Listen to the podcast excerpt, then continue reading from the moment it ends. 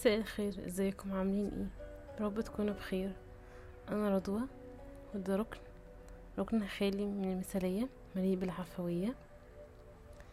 آه النهاردة هنتكلم عن حاجة أغلبنا بيمر بنمر بيها وهي اضطرابات القلق.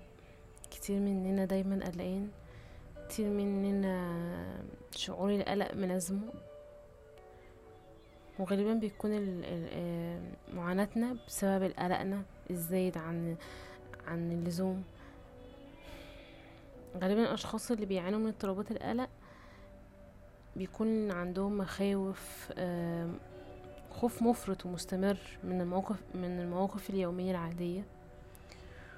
واضطرابات القلق دي بتتضمن حاجات كتيرة قوي زي نوبات متكررة من, مشاعر كده مفاجأة للقلق شديد وخوف أو رعب. وساعات بت... بتوصل لأعلى مستوياتها وبيبقى اسمهاش نوبات قلق بيبقى اسمها نوبات هلع.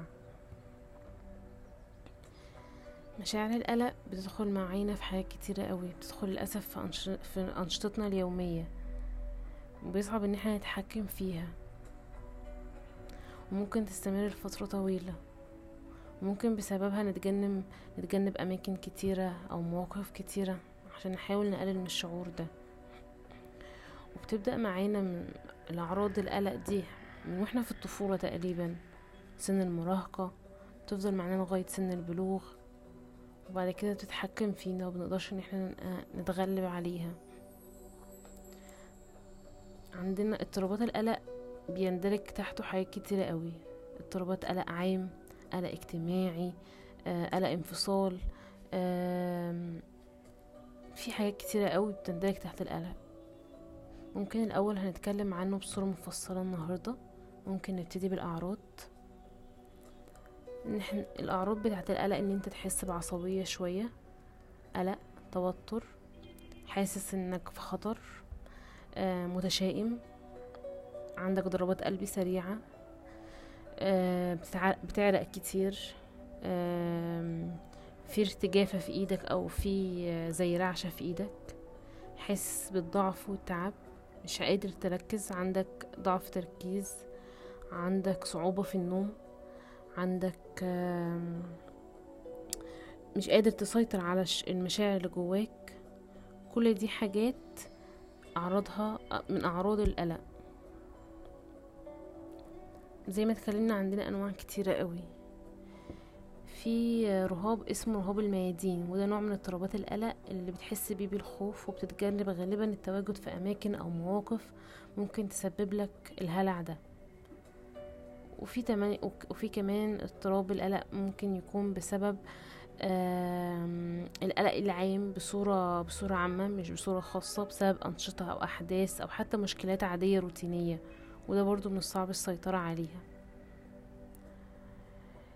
في س... في ناس القلق بيجيلها على هيئة خرس تام اللي هو أنا مش هتكلم وده غالبا بتيجي للأطفال. لما في أطفال ما بتبقاش قادرة تتكلم في سن معين ده بيبقى نوع من أنواع القلق.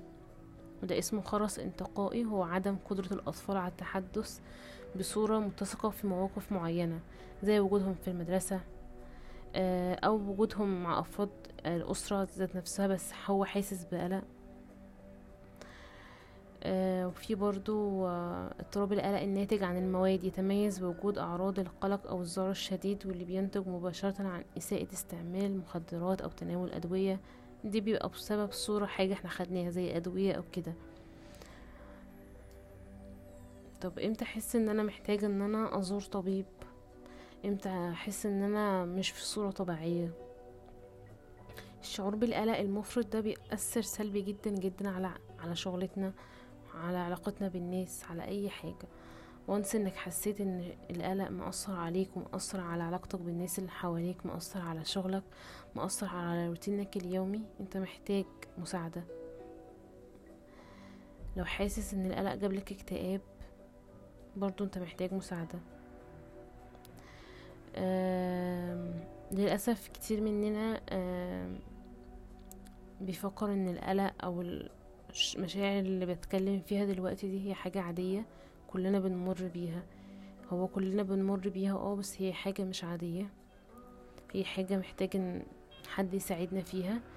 إذا كان إحنا عرفنا نساعد نفسنا بنفسنا أو احتاجنا حد يساعدنا غيرنا. زي دكتور طبيب زي سوري زي طبيب نفسي مثلا.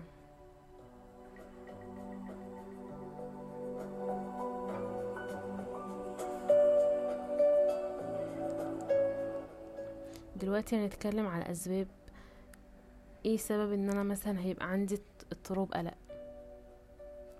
في أسباب طبية زي مثلا ممكن القلق ده يكون مرتبط بمشكلة صحية أساسية. وبعض الحالات بيكون علامة أعراض قلق هي أول مؤشرات المرض الطبي. هو عنده حاجة صحية فبالتالي ده كان سببها. زي مرض القلب السكر مشاكل الغدة الدرقية.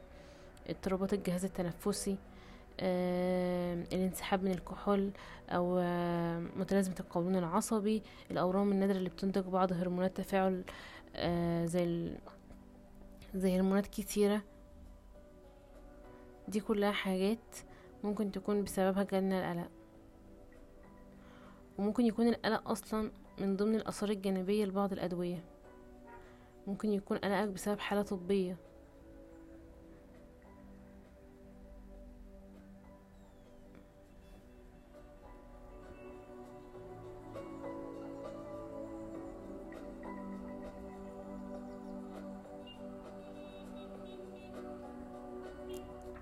طب إيه المضاعفات بتاعت القلق دي؟ في ناس بتقول عادي يعني ده قلق بس القلق ده ليه مضاعفات ومرض زي أي مرض. الإصابة باضطرابات القلق ممكن تؤدي لأكتر من القلق زي إنك أنت تصاب بحالة عقلية وجسمانية زي مثلا الاكتئاب اللي دايما بيحصل أو عادة بيحصل مع اضطراب القلق أو إساءة استخدام المواد المخدرة. أو صعوبة في النوم ناس بتجيلها الأرق ناس بتجيلها مشكلات هضمية في الأمعاء ناس دايما عندها صداع وألم مزمن. دي كلها مضاعفات للقلق. أو يجيلك عزلة اجتماعية يجيلك مشكلات في التعامل في المدرسة أو في العمل أو في أي مكان أنت فيه.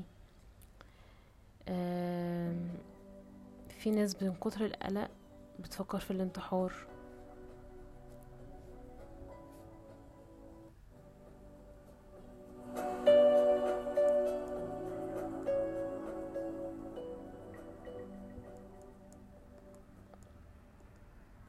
طب إزاي أنا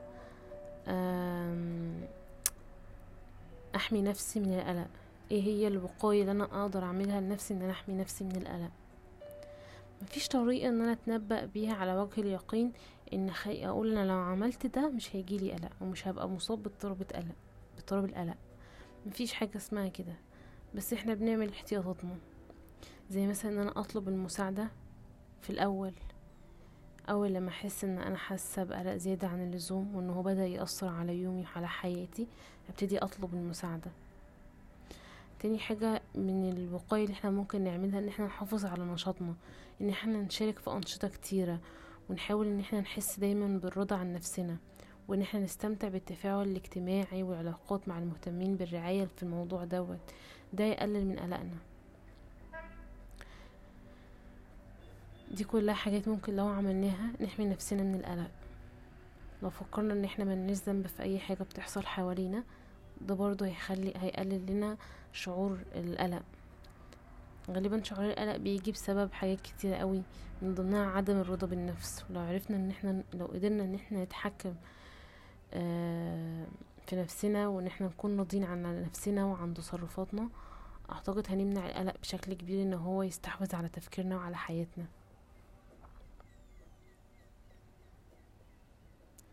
آه بس دي كانت حلقتنا النهاردة. اتكلمنا عن القلق. أتمنى النهاردة يكون الركن هادي وبسيط. أتمنى تكونوا استفدتوا. أتمنى ما تحسوش بأي مشاعر فيها قلق ولو حسيتوا اطلبوا المساعدة من الناس اللي حواليكوا ولو ملقيتوش اهتمام حاولوا تطلبوا المساعدة من أي طبيب نفسي. مش عيب ولا غلط بالعكس ده شيء ضروري. زي لما عينك بتوجعك بتحتاج دكتور عيون وزي لما سنانك بتوجعك بتروح لدكتور أسنان وزي لما أي حاجة بتحصل لك بتروح للدكتور المعالج ليها والمختص ليها. برضو لما تحس بقلق واي مشاكل نفسية ضروري إنك تروح تتعالج مع دكتور. دي مش حاجة ولا عيب ولا هي غلط ولا هي حرام. بالعكس ده تبقى حاجة مفيدة ليك قوي قوي قوي وصدقني لو خدت الخطوة دي مش هتندم ابدا. أشوفكم الحلقة الجاية إن شاء الله. مع السلامة.